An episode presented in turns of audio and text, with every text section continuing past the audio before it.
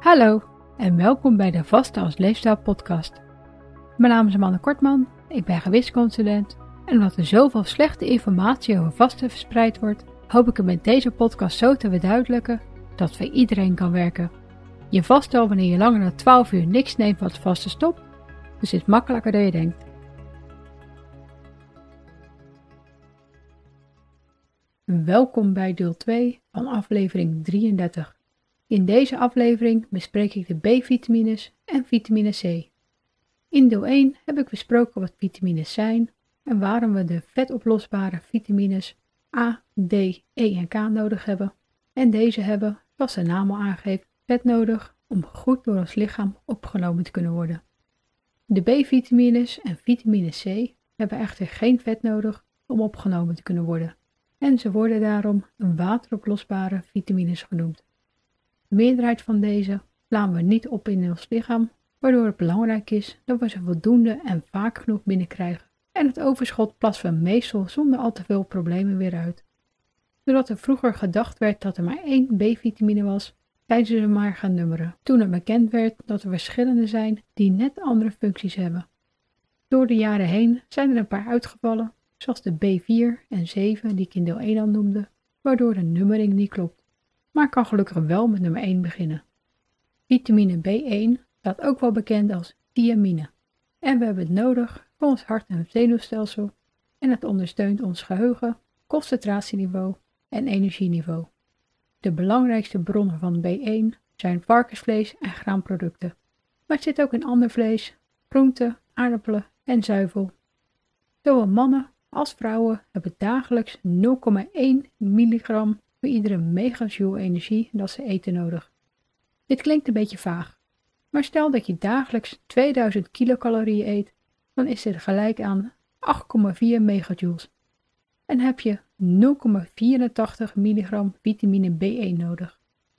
Omdat er eigenlijk geen nadelige effecten bekend zijn over een te hoge B1-inname, is er geen veilige bovengrens vastgesteld en wordt er een richtlijn van maximaal 5 keer de aanbevolen dagelijkse hoeveelheid per dag aangehouden. Het hebben van een tekort is echter wel een probleem.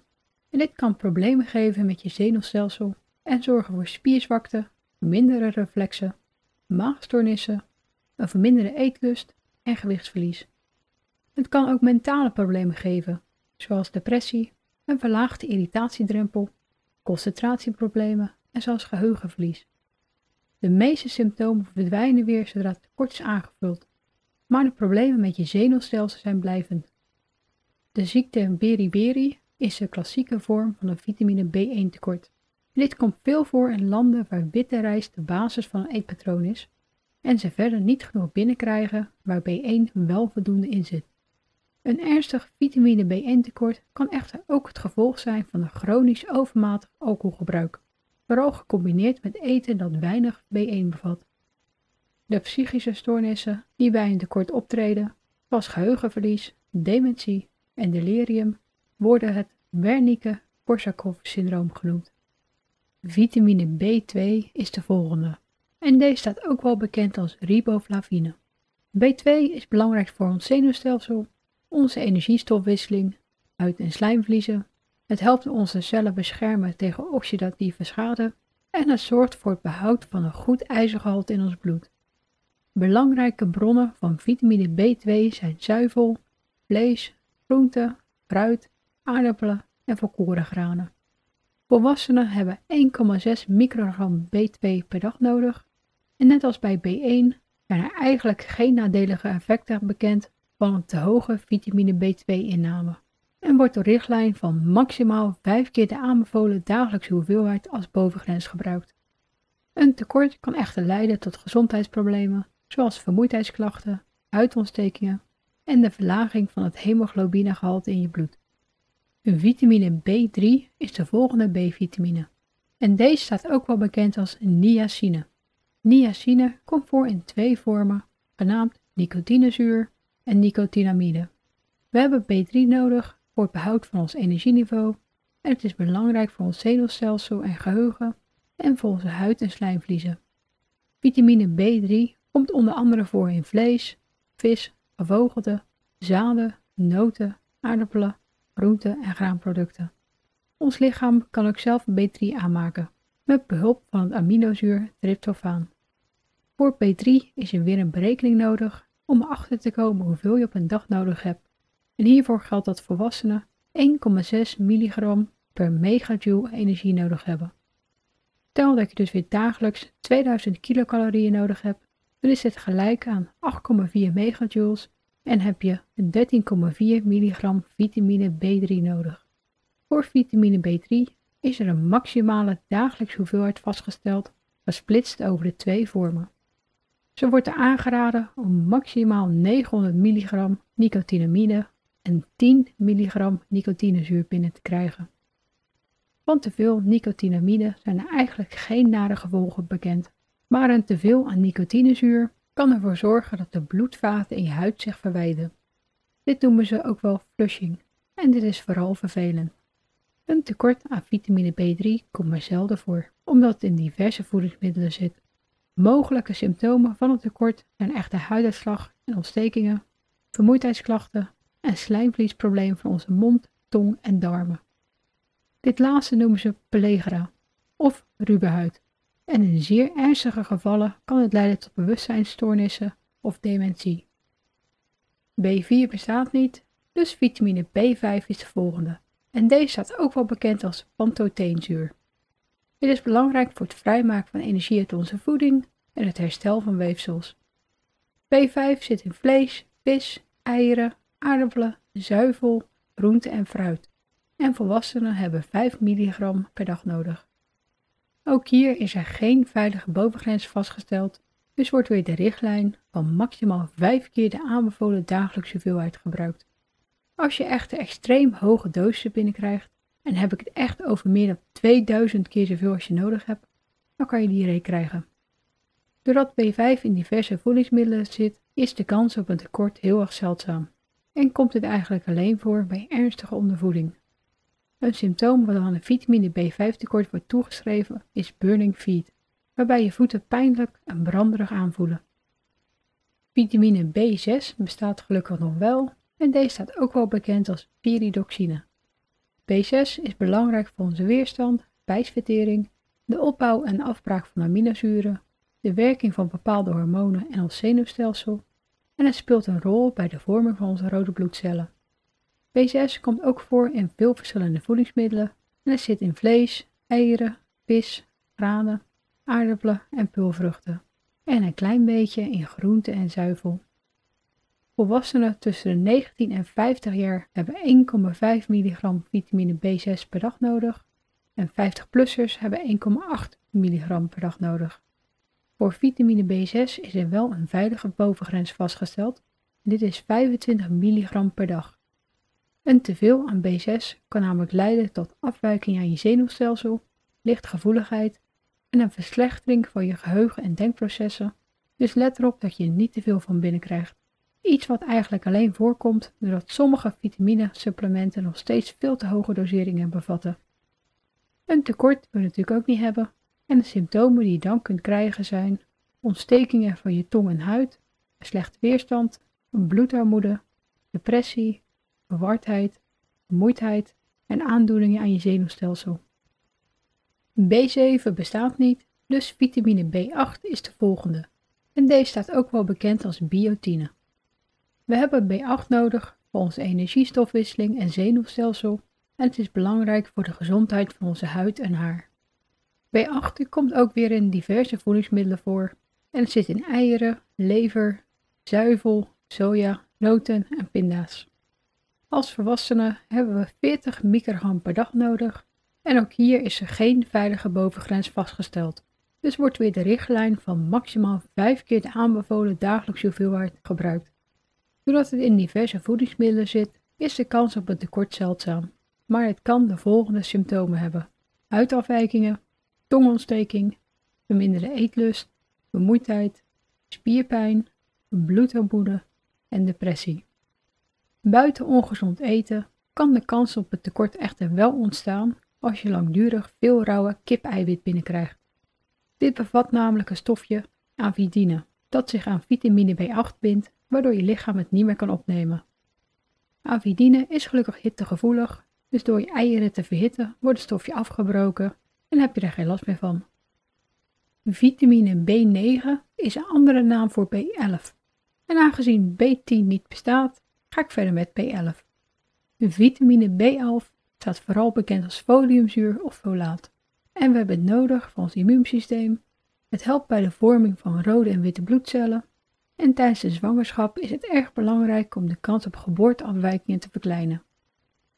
B11 komt voor in groene groenten, fruit, volkorengranen en in mindere mate in zuivel. Volwassenen hebben 300 microgram per dag nodig. Ben je zwanger of wil je zwanger worden?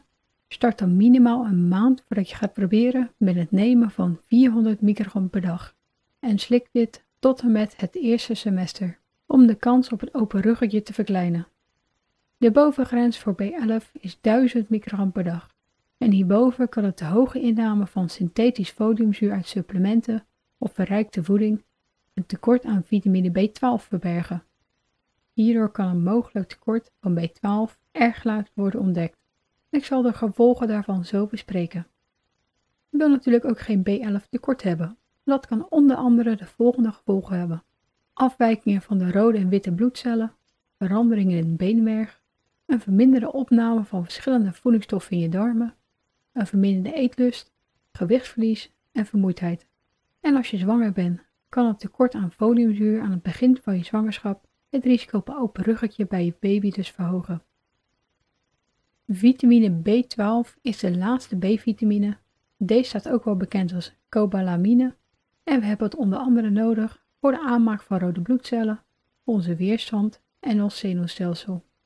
B12 komt alleen voor in voedingsmiddelen van dierlijke herkomst, zoals vlees, eieren en zuivel, waardoor het voor veganisten belangrijk is om hier een supplement van te nemen of om voor genoeg verrijkte vlees- en zuivelvangers te gaan waaraan B12 is toegevoegd. Volwassenen hebben 2,8 microgram vitamine B12 per dag nodig en ook hier is geen veilige bovengrens vastgesteld, dus wordt weer de richtlijn van maximaal 5 keer de aanbevolen dagelijkse hoeveelheid als bovengrens gebruikt. Een B12 tekort komt officieel gezien vooral voor bij mensen die onvoldoende dierlijke producten eten, lachgas gebruiken en die opnamestoornissen hebben. Maar het lijkt erop dat meer mensen er last van kunnen hebben, waardoor er zelfs een stichting voor is opgezet. Deze heeft de naam Stichting B12 tekort en ik heb de link naar een website gedeeld mocht je vermoeden dat je hier last van hebt. Zodat ons lichaam een grote B12 voorraad kan aanleggen, kunnen tekortsymptomen er erg langzaam insluipen, zodat het makkelijk is om ze over het hoofd te zien. Ook kan een B12 tekort zorgen voor een B11 tekort, zodat deze twee samenwerken, waardoor je nog meer vage klachten kunt krijgen en je naast die van B11 ook last kunt krijgen van pernicieuze anemie. Dit is een vorm van bloedarmoede, wat symptomen zoals vermoeidheid, ademnood, pijn op de borst en een gebrek aan eetlust kan geven. Hiernaast kan je last krijgen van neurologische afwijkingen door de beschadiging van zenuwweefsel. Verschijnselen hiervan kunnen zijn depressie, vergeetachtigheid, wanen en ongevoeligheid of prikkelingen in lichaamsdelen. Vitamine C is de laatste momenteel bekende vitamine en is net als de B-vitamines in water oplosbaar. De officiële naam van vitamine C is ascorbinezuur, wat is afgeleid van het Latijnse woord scorbutus, oftewel scheurbuik. Scheurbuik is de bekendste ziekte die ontstaat door een tekort aan vitamine C en ascorbine betekent letterlijk geen scheurbuik. Naast het voorkomen van scheurbuik is vitamine C ook belangrijk voor onze weerstand, huid, tanden, bloedvaten, botten, kraakbeen, zenuwstelsel en het bevordert de opname van ijzer. IJzer is een belangrijk bestanddeel van hemoglobine, wat een onderdeel van je rode bloedcellen is en zuurstof door je lichaam verspreidt. De belangrijkste bronnen van vitamine C zijn groenten, fruit en aardappelen. En volwassenen hebben 75 mg per dag nodig. Er is geen maximale veilige dosis vastgesteld, maar een teveel aan vitamine C kan laxerend werken, is belastend voor je nieren en het zorgt ervoor dat je koper minder goed opneemt en ijzer juist nog beter, waardoor je ijzergehalte te hoog kan worden. Een te hoge ijzergehalte kan leiden tot chronische vermoeidheid of beschadigingen van organen zoals je lever, darm en hart. En een tekort aan koper kan problemen zoals bloedarmoede, een verminderde weerstand en botafwijkingen met zich meebrengen. Een vitamine C tekort wil je natuurlijk ook niet hebben.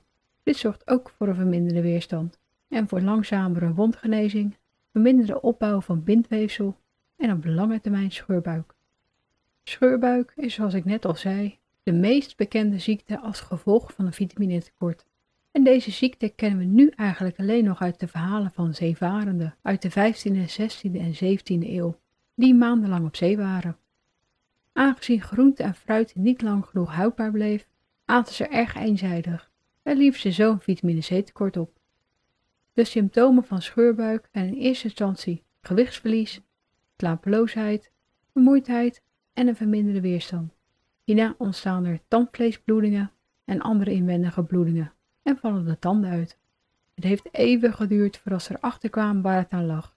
En de houdbaarheid van groente en fruit bleef een probleem. Zodat ze er halverwege de 18e eeuw achter kwamen dat regelmatig eten van lang houdbare zuurkool voldoende was.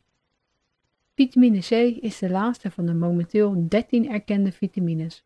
En ik hoop dat je aan de hand van deze dubbele aflevering het belang van ze inziet. Sta er hiernaast bij stil dat tekort en overschotsymptomen bij verschillende voorkomen. En dat het daarom belangrijk is om je vitamines en mineralen via een bloedonderzoek te laten controleren als je vermoedt dat je een tekort hebt. En dat je niet zomaar supplementen gaat slikken. Controleer ook de mogelijke bijwerkingen van je medicatie en overige supplementen eens, zodat je zeker weet dat die niet voor tekort kunnen zorgen. Veel tekort- en overschotsymptomen kunnen hiernaast natuurlijk ook een hele andere oorzaak hebben. Zo is vermoeidheid een veel voorkomend symptoom. Maar kan het natuurlijk ook komen dat je bijvoorbeeld veel stress hebt of slecht slaapt. En zoiets als huidproblemen kunnen komen door een vitaminetekort, maar ook door bijvoorbeeld een allergie of huidziekte. Sta er trouwens ook bij stil dat vitamines altijd het vaste stoppen. Dus als je extra nodig hebt, dan kan je ze alleen tijdens je eettijd nemen. Maar probeer je vitamines natuurlijk zoveel mogelijk uit je eten te halen. Gezond eten is tenslotte niet alleen belangrijk voor de vitamines, maar ook voor de andere voedingsstoffen. En er worden in de toekomst ongetwijfeld nog nieuwe belangrijke stofjes ontdekt die je nu nog niet in een pil tegenkomt en die misschien nooit toegevoegd kunnen worden. In aflevering 34 bespreek ik de microvoedingsstoffen mineralen.